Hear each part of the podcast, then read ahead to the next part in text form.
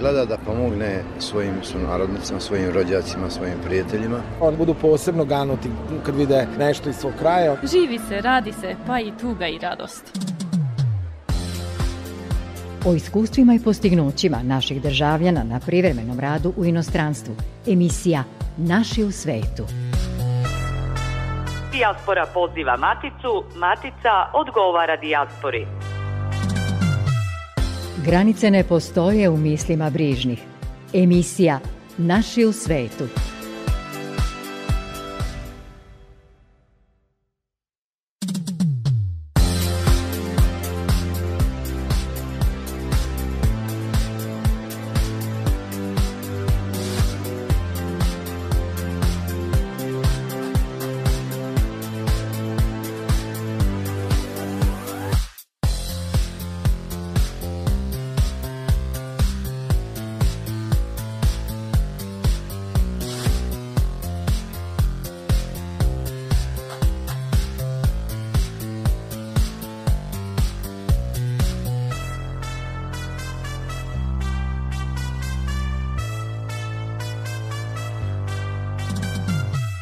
Poštovani slušalci, dobro vam veče. Ovo je emisija posvećena vezi Matice sa njenim raseljanjem širom sveta. U tom kontekstu, u narednih pola sata slušat ćete kako se Međunarodni dan maternjeg jezika obeležavao širom dijaspore. Sa nama je večeras u studiju Goran Petrović, sunarodnik u Norveškoj, sa kojim ćemo razgovarati o našoj zajednici u toj zemlji. Sa vama su večeras još i za tonskim pultom Boris Đuranin, moje ime je Goran Pavlović. Dobro nam došli. Direktor uprave za saradnju s dijasporom i Srbima u regionu Arno Gujon najavio je povodom Dana maternjeg jezika koji je obeležen 21. februara otvaranje dodatnih škola srpskog jezika u Austriji i Sjedinjenim američkim državama. Prvi put po zvaničnom programu Republike Srbije počeće škole za srpsku decu u Čikagu, Milvokiju, Arizoni, Detroitu i Dallasu. Da postoji interesovanje za škole srpskog jezika u Americi, uvideli smo iz kontakata sa našim ljudima na nedavno održanom skupu dijaspora dijaspore u Vašingtonu, izjavio je Gujon. Deset novih dopunskih škola srpskog jezika uprava će zajedno sa prosvjetom pokrenuti i u Austriji, a one će početi da rade od nove školske godine u septembru. Koleginica Jelena Malenkova iz srpske redakcije Makedonskog radija prati aktuelnosti naše zajednice u Severnoj Makedoniji. Poslala nam je priču o tome kako je Dan maternjeg jezika obeležila dijaspora u Skoplju. Veoma je važno negovati maternji jezik, koji je kamen temeljac očuvanja kulturnog i etničkog identiteta svog naroda. Dođite u naše kolo sva deca ovoga sveta. Pokažimo kako se družiti mogu deca sa svakog kontinenta. Deca crna, žuta ili bela trebala bi da su uvek vesela. Nas ipak gre jedno, sunce, hrana ista, zemlja i poji ista voda. Naše je kolo veselo, puno ljubavi i topline. U cilju promovisanja jezičke kulture i raznolikosti u Institutu za makedonski jezik Krstem i Sirkov u Skoplju održan okrugli sto i manifestacija povodom Međunarodnog dana maternjeg jezika, gde su govorili istaknuti profesori, lingvisti, a nastupili su i učenici iz osnovnih i srednjih škola na svom maternjem jeziku. Pa meni je mnogo drago što učestvujem na ovakvom lepom, divnom i ovakvom delu i e, ja sam se prijavila u školi zato što sam već i prethodno čitala nešto na, na srpskom jeziku, na mom maternjem jeziku i evo sad mi je čast da čitam ponovo. Od 2000. godine u svetu se u skladu sa zaključkom UNESCO obeležava 21. februar kao dan maternjeg jezika, koji je deo kulturnog identiteta naroda, tačka prepoznavanja različitosti, ali i tolerancije i razumevanja. Briga o maternem jeziku je način dokazivanja svesti o vlastitom identitetu, ali veoma i osetljivo mesto tolerancije prema drugom i drugačijem. U svetu se govori više od 6000 jezika, a prema prognozama lingvista do kraja 21. veka više od polovine, čak i do dve trećine će odumreti. Je jedno pesmo od Jovan Jovanović Zmaja. Gde je bola, gde je jada, pesma blaži, gde se klone, gde se pada, pesma snaži. Gde su ljudi, dobre čudi, pesma se ori. Što ne možeš drugčije reći, pesma zbori. Gde utehe nema druge, pesma stiže. A gde sumnja sve obori, pesma diže. Eno majke kod kolevke će da tija, će da spava, a majka ga pesmom njija. Pesma miri lepše nego cveće majsko, a što pesma čedu želji, to je raj. U Makedoniji živi više etničkih zajednica koje govore svojim jezikom, a ustavom je priznato sedam zajednica koje govore svoj maternji jezik. Da bi se jezik očuvao, održao u dijaspori, pre svega je neophodno da se prenosi iz generacije u generaciju, mora imati institucionalnu funkciju i kroz medije mora biti ispravno korišćen i plasiran. Neophodno je raditi na širenju pismenosti naših đaka. Profesor dr. Radivoje Miladinović. Ja sam profesor Filološko-umetničkog fakulteta u Kragujevcu. Na fakultetu predajem predmete koji se odnose na istoriju srpskog jezika, na balkanistiku, predmete koji se odnose na dijalektologiju srpskog jezika. Zapravo predmeti koji su najneposrednije vezi sa mojim naučnim interesovanjem. Imao sam sreću da sam veoma rano bio u kontaktu sa radovima značajnih makedonista pre, pre svega Blaže Koneskog, zatim profesora Vidojeskog, Zuzane Topolinske i drugih makedonskih lingvista. Ovaj kontakt mi je bio veoma značajan s obzirom da je predmet moga interesovanja pre svega oblast srpsko-makedonskog jezičkog i teritorijalnog pograničja sa šar planinom koja se nalazi e, između jednog i drugog dijalekatskog kompleksa. Studente interesuje kako su govorili njihovi preci pre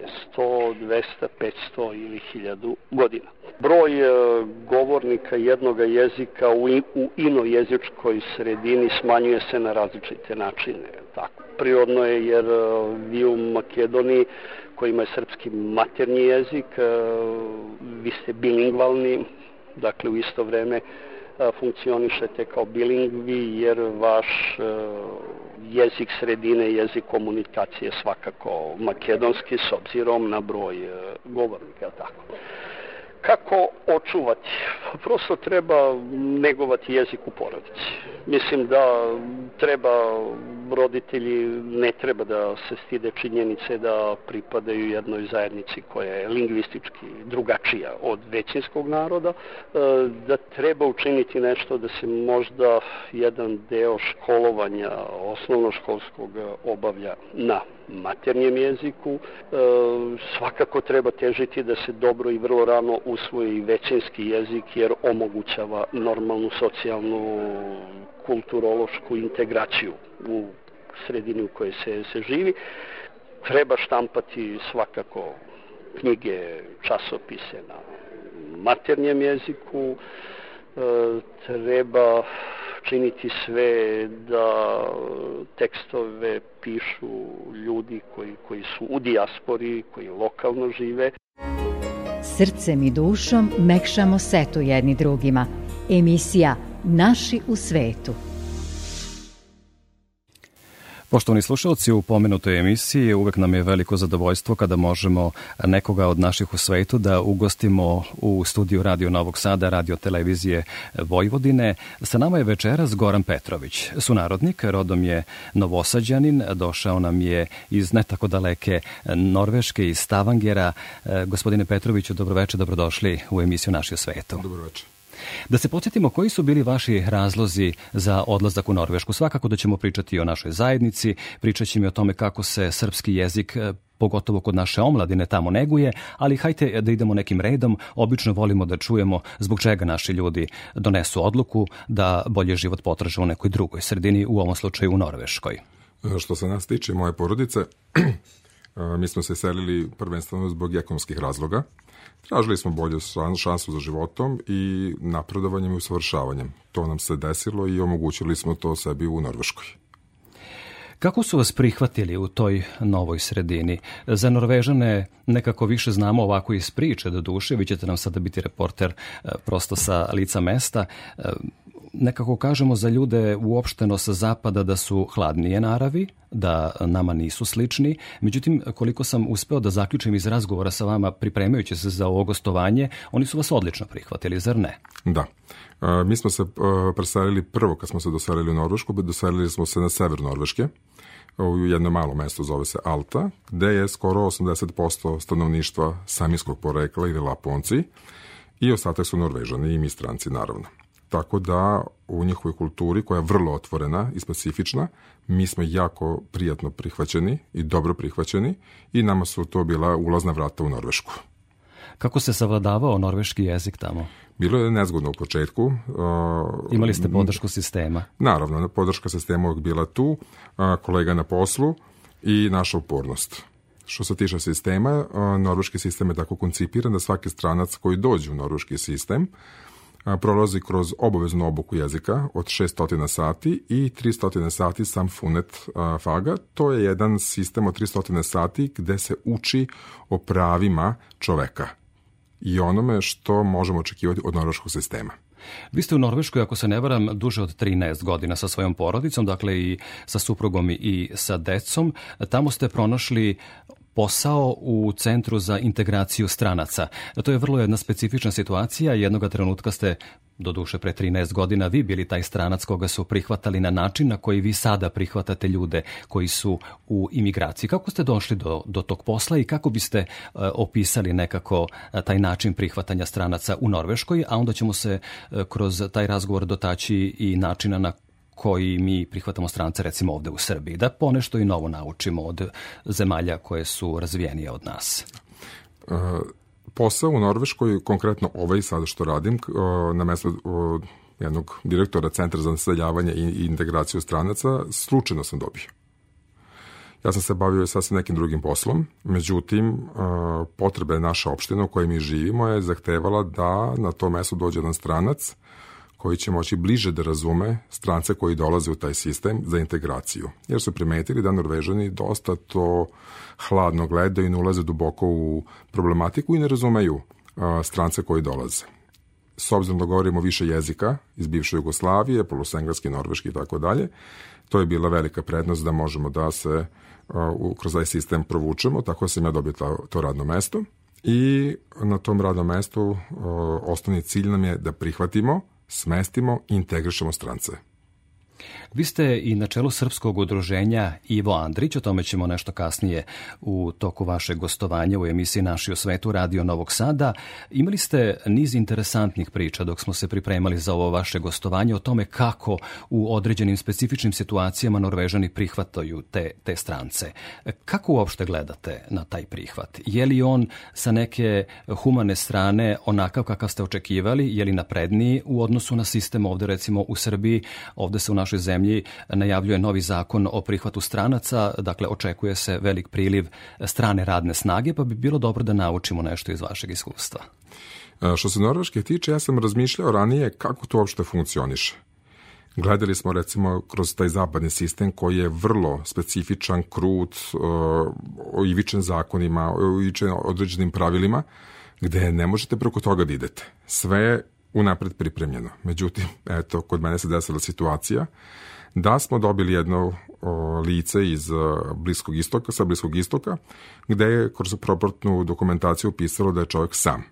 I mi smo ga prihvatili kroz naš proces integracije. Međutim, posle tri meseca desila se situacija da on dolazi kod nas u centar i da nam dolazi jedan zahtev jedno odobrenje gde je dozvoljeno njegovoj porodici da se doseli u Norvešku, što je predstavljalo u praksi njegovu suprugu i osmoro dece. To je za naš sistem bilo u početku vrlo neprihvatljivo, s obzirom da oni nisu planirani kroz naše budžetska sredstva, gde se zna da u Norveškoj recimo otvaranje jednog novog mesta u vrtiću košta 19.000 eura, Jedno mesto u osnovnoj školi košta 29.000 eura, jedno mesto u srednjoj školi skoro 50.000 eura i fakultetsko mesto 150.000 eura. Znači, oni nisu bili takvi u našem planiranom budžetu. Međutim, Norveška je pokazala tu humanost i tu sam se prvi put razuverio da uvek postoje izuzeci, Probili smo budžet uz odobrenje viših distanci i mi smo prihvatili svih osmoro dece i njegovu suprugu i uspešno ih integrisali kroz norveški sistem. Da li ste vi u trenucima kada ste se prilagođavali i uopšte otišli u Norvešku pre 13 godina sa svojom porodicom imali određene olakšice, a iako ste sa ovih balkanskih prostora ili možda izbeglice sa Bliskog istoka imaju sada povoljnije tretmane tamo? U Norvešku se seli iz e, dva pravca. Znači, mi smo došli e, iz e, evropske države, svako to može da uradi iz bilo kog dela sveta, znači mi smo tu podjednako jednaki, kao radna snaga. A dok izbeglice sa Bliskog istoga imaju drugi tretman, oni se dovode kod nas ili dolaze kod nas kao prognana lica. I to su dva različita programa integracije. Kada razgovaramo sa porodičnim ljudima, nekako se e, logično i prirodno stavlja akcenat na decu. Kako su vašu decu prihvatili u tom sistemu? Jesu li deca koje su došla sa ovih naših prostora dobila sve ono što su očekivala tamo u nekoj novoj sredini? Jeste. Jako su lepo prihvaćeni. Prihvaćeni smo mi i naša deca, deca pogotovo. E, deca dobijaju mesto kako i u vrtiću, tako i u osnovnoj školi, posle toga i u srednjoj školi. Sve vanškolske aktivnosti može mogu da, da koriste podjednako uh, kao i norveška deca.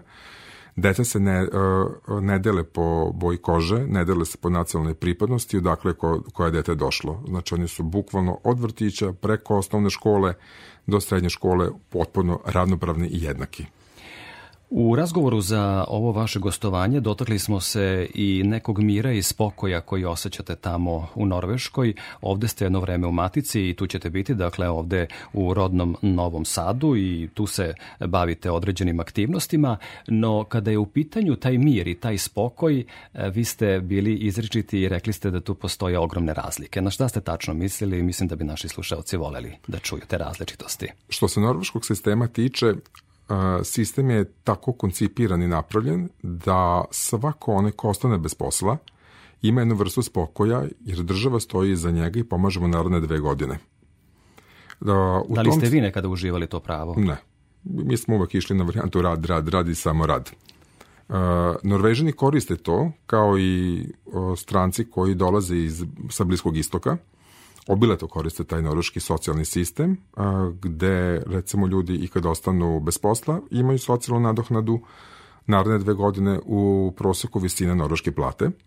Takođe, ljudi koji su bolesni imaju 100% plaćeno bolovanje i to je jedan sistem gde ljudi koji imaju recimo nekih zdravstvenih problema su integrisani jako dobro u sistem jer dobiju apsolutno sve od države. Tamo postoji jedna institucija koja se zove NAV, to je i biro za zapošljavanje i socijalna ustanova, gde svako lice koje, kojem je potrebno um, neka pomagala, da li su kolica, neka druga pomagala u kući, oni to dobijaju besplatno. Da, osim te e, socijalne brige, e, pomenuli smo i jednu drugu vrstu mira koji se osjeća u atmosferi, a to je jedna tišina posle završenog radnog vremena. Ovde imam utisak da ne stojimo baš najbolje po tom pitanju. Kakav je vaš utisak o tome? Norvežani kao Norvežani na izgled su vrlo mirni, dok ih bolje ne upoznate. Kad, se, kad se bolje upoznaju, slični su nama. Međutim, na dakle, ne postoje toliko velike i nepremostive razlike u mentalitetu, ne, je li tako? Ne, ne. Oni su naučeni da poštuje radno mesto, nema vike, nema dovikivanja, nema haosa, a, nema besa na poslu, a, deca su dosta mirna, u kućama su isto takođe mirni, znači navikli su na jednu vrstu discipline. Poštovani slušalci, sa nama je sunarodnik Goran Petrović, on je došao iz Norveške. O našoj zajednici u toj zemlji razgovarat ćemo i u nastavku emisije Naši u svetu Radio Novog Sada posle kraće muzičke pauze. Ostanite uz nas.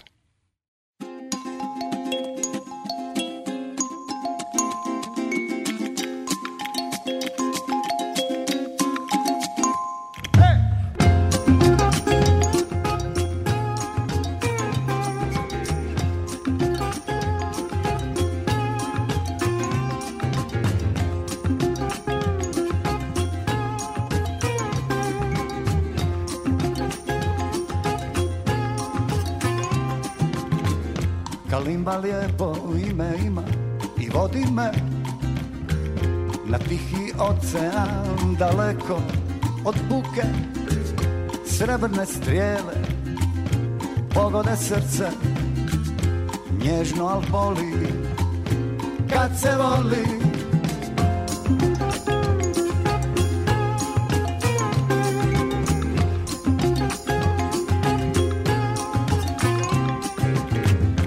žuri ispred vremena.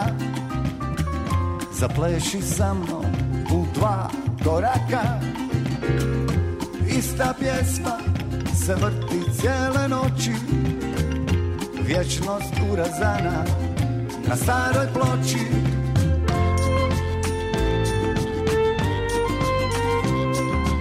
Lutam, sretno izgubljen Budan sanja, u daljinu zagledam Gdje more i nebo ljube se Lutam, kalimba voli me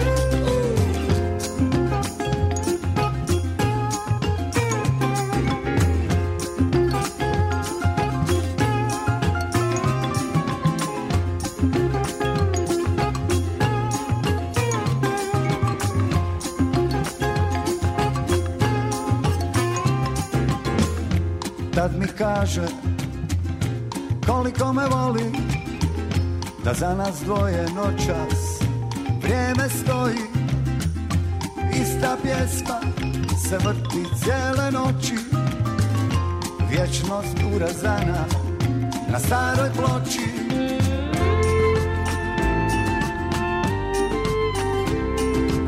Lutam, sretno izgubljen Budan sanjam, daljinu zagledam Je more i nebo ljube se Lutam, kalimba vodi me.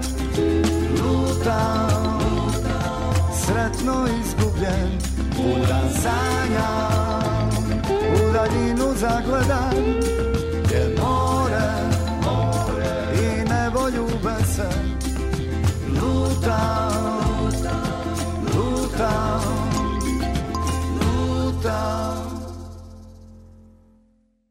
Vežu nas događaj, misli, kultura i tradicija. Emisija Naši u svetu. U emisiji u kojoj rado govorimo o iskustvima sunarodnika po svetu, večera se sa nama Goran Petrović, došao nam je iz Stavangera iz Norveške. U prvom delu razgovora, poštovani slušalci, pratili smo njegovo izlaganje o tome kako se otišlo za Norvešku, kako se tamo tretiraju naši ljudi. U ovom drugom delu razgovora više ćemo o našoj zajednici. Gorane, prema nekim vašim procenama ili informacijama, 13 godina ste dakle u Norveškoj, koliko uopšte ima ljudi sa ovog prostora u toj zemlji. Znamo da ne postoje zvanični podaci ni ovde u Matici, ali u svakom slučaju vi ste na čelu udruženja Ivo Andrić, to je srpsko udruženje. Verovatno imate neke informacije u tom pogledu. U našem udruženju imamo 350 uh, porodica koje dolaze sa teritorije Republike Srbije i Republike Srpske. Što se tiče uh, cele teritorije Norveške, a, mi smo u stalnim kontaktima sa drugim udruženjama i sa našom srpskom ambasadom, tako da neki okvir koji možemo da iznesemo je oko 10.000 sugrađana iz bivše Jugoslavije da je tamo. Sad mi nemamo tačnu predstavu zato što nema zvaničnih podataka.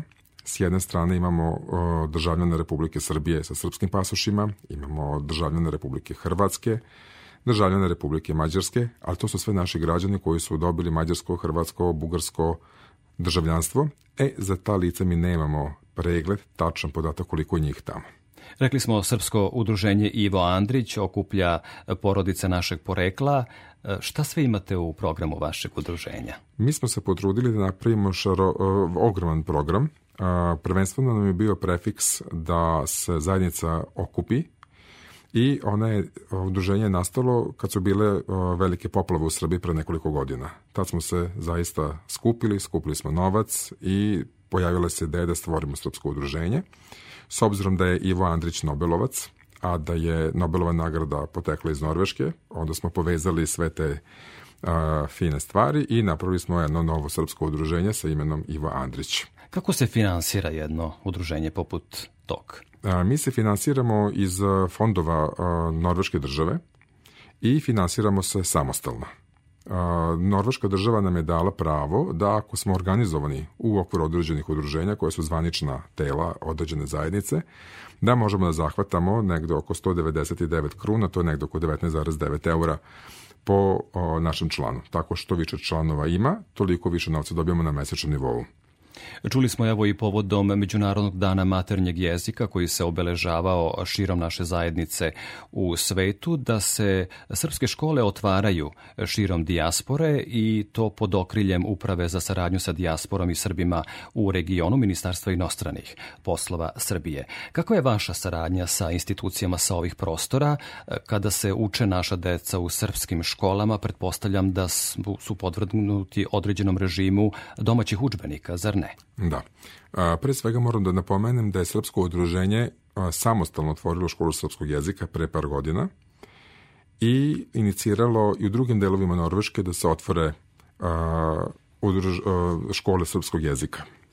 Tek posle toga, godinu ili dve dana posle rada naših škola, pojavilo se ministarstvo sa idejom da nas okupi mi smo prihvatili o, saradnju sa ministarstvom prosvete koja nam je izašla u susret o, gde vrši finansiranje naših učiteljica sa jedne strane.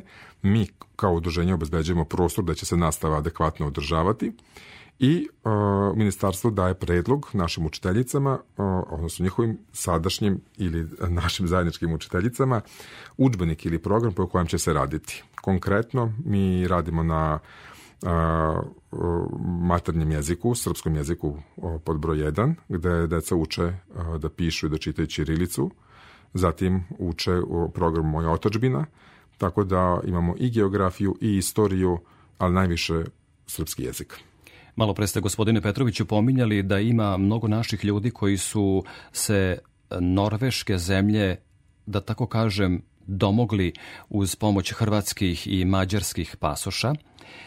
Koliko vam znači ovo što se od februara praktično omogućava elektronsko podizanje, odnosno naručivanje e, naših dokumenata preko e-uprave ovde u Srbiji pod uslovom da ste registrovani u konzularnim predstavništvima, odnosno u ambasadama? Koliko je to dakle našoj zajednici olakšalo da dođu do određenih dokumenata ili da postojeće produže? U Norveškoj imamo dva programa Jedan program je što je iznala vlada Republike Srbije sa tim elektronskim sertifikatima i e, tim varijantama. Međutim, e, za našu zajednicu to ne igra nešto pretjerano veliku ulogu, jer mi fizički moramo da dođemo u neku drugu matičnu državu, kao što je Danska ili Švedska, ili da dođemo u Srbiju da bi napravili, recimo, putne isprave, to je pasoše ali smo mi inicirali i preko naše ambasade smo dobili potvrdnu informaciju da će se u našoj ambasadi u osnovu instalirati uskoro jedan aparat gde ćemo moći da izrađujemo pasoše u našoj ambasadi, što znači uzimamo otiske prstiju, slikanje i sve to, digitalni putem se šalje za Srbiju i gotovi pasoše dolaze na našu adresu. Kada smo govorili o tome kako se kotiraju članovi naše zajednice u Norveškoj, vi ste počeli izlaganje, dakle pre ovog zvaničnog gostovanja u emisiji Naši u svetu, svoje izlaganje ste počeli sa listom kriminaliteta u Norveškoj. Ja sam se zaista onako zabrinuo šta ćemo mi to moći da čujemo u ovom našem razgovoru. Međutim, čuo sam e, informacije koje ohrabruju kada je reč o našim ljudima koji su e, se obreli u Norveškoj. Jeste. Na svakih par godina Norveška država ili norveške institucije daju jedan spisak nacija koja se bave određenom vrstom kriminala evo mogu da kažem da smo svi presrećni da u prvih 100 nacija, a lista je od 100 nacija, nema ni jednog srpskog državljanina. Da, to je zaista ohrabrujuća informacija. U kojim smo mi strukama najzastupljeniji tamo? Za sada uh, srpski državljani koji dolaze u Norvešku da rade najviše su zastupljeni u opštinskim administracijama, ali kad kažem opštinske administracije to su uh, pre svega zdravstvene ustanove. Znači u zdravstvu polako sad vidimo jedan trend da njihov školski sistem prihvata naše učiteljice također i o veliki broj naših uh, inženjera i programera radi u naftnoj industriji. To su recimo neke dve struke koje ili tri koje su sada naj zastupljenije. Ono što nekako naše slušalce imam utisak najviše zabrinjava, to jeste ta, e, taj socijalni odnos prema građanima. Vi ste, rekao smo, 13 godina u Norveškoj, radite u jednoj važnoj instituciji za prihvat imigranata. Slobodno vas pitam i slobodno recite, šta mislite što Srbiji nedostaje u smislu te socijalne brige o sobstvenom stanovništvu? Mislim da fali više sluha, više tolerancije i više razumevanja. U norveškom sistemu sve to ima. Ono što smo mi primetili u Srbiji, mnoge stvari se rade površno. Na šta mislite konkretno? Pa konkretno, recimo, kad su ta socijalna davanja u pitanju, kad su neke stvari u pitanju, a, u Norveškoj to ide po automatizmu. Znači imate digitalne opcije, to se registrujete, odradite, vi u roku od 2-3 dana dobijete socijalnu pomoć, dobijete socijalnu nadohnadu, dobijete pomoć oko zaposlenja, dobijete uh, ko, kompletnu piramidu, jednu koja, kroz koju prolazite da bi, da bi vam uh, život bio olakšan. Toga u Srbiji nema. Ali nije sve u novcu. Ono što će naši slušalci u velikoj meri pomisliti, pa da, Norveška je bogata država, lako je njima da obezbede e, tu socijalnu brigu za svoje stanovništvo. Međutim, postoji i ona druga strana medalje, zar ne? Da. A, ima i zloupotreba tog sistema u Norveškog, da ljudi recimo sede na bolovanjima i kad nisu bolesni, ima recimo ljudi koji koriste godišnje odmore ili neplaćene dane kad to nije potrebno da se uradi. S jedne strane, s druge strane, a, norveški sistem a, sa jedne strane jeste bogat i mi vidimo da je on bogat, ali moramo da shvatimo da taj norveški sistem, a, odnosno budžet puni visokim porezima. Znači, norveški sistem je takav da se finansira isključivo od poreza, oko 36% je prosečan porez, znači kad se pređe određena svota novca u zarađivanju ili preko vremenog rada, porez bude i 50%, što je zaista ogroman teret za nas. Kada smo već kod novca, vi ste ovde jedno vreme u Matici, e, govorili smo vrlo često u programima uživo o inflatornim kretanjima svuda u svetu zbog ove ukrajinske krize i tako dalje, no sada da ne ulazimo u tu problematiku, nemamo toliko ni vremena, a i nije to e, misija ove, da kažem, emisije Radio Novog Sada, ali ono što me zanima kakve su cene u Srbiji u odnosu na neke u Norveškoj, ako govorimo o nekim osnovnim životnim namirnicama ili, ili sredstvima za ličnu higijenu. Da. Mi smo primetili u Norveškoj da je Norveška kruna izgubila svoju vrednost posle ove krize. Imamo takođe energetsku krizu. U Norveškoj, sad kad, po, pa, kad poredimo recimo dva sistema, u Srbiji jeftinije, su jeftiniji energenti, struja, Međutim, ja sam bio vrlo nepretno iznenađen kad sam vidio da su neke osnovne namirnice kao što je sir, mleko, puter, recimo, su skoro izjednačena cena sa Norveškom. Da ne kažem recimo cene hem, hemikalija za održavanje lične higijene su čak i skuplje u Srbiji nego u Norveškoj, što je stvarno neprihvatljivo. Nadamo se nekim pogodnijim informacijama u tom smislu u nekoj bliskoj budućnosti.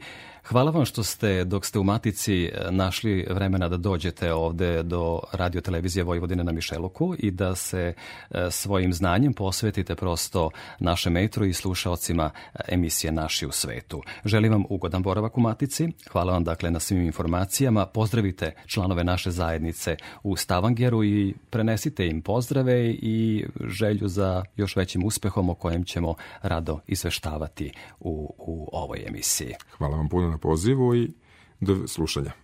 Poštovani slušalci, sa nama je bio Goran Petrović, sunarodnik iz Stavangera u Norveškoj, rođeni Novosađanin. Hvala vam što ste u proteklih pola sata bili uz nas. Ostanite uz Radio Novi Sad.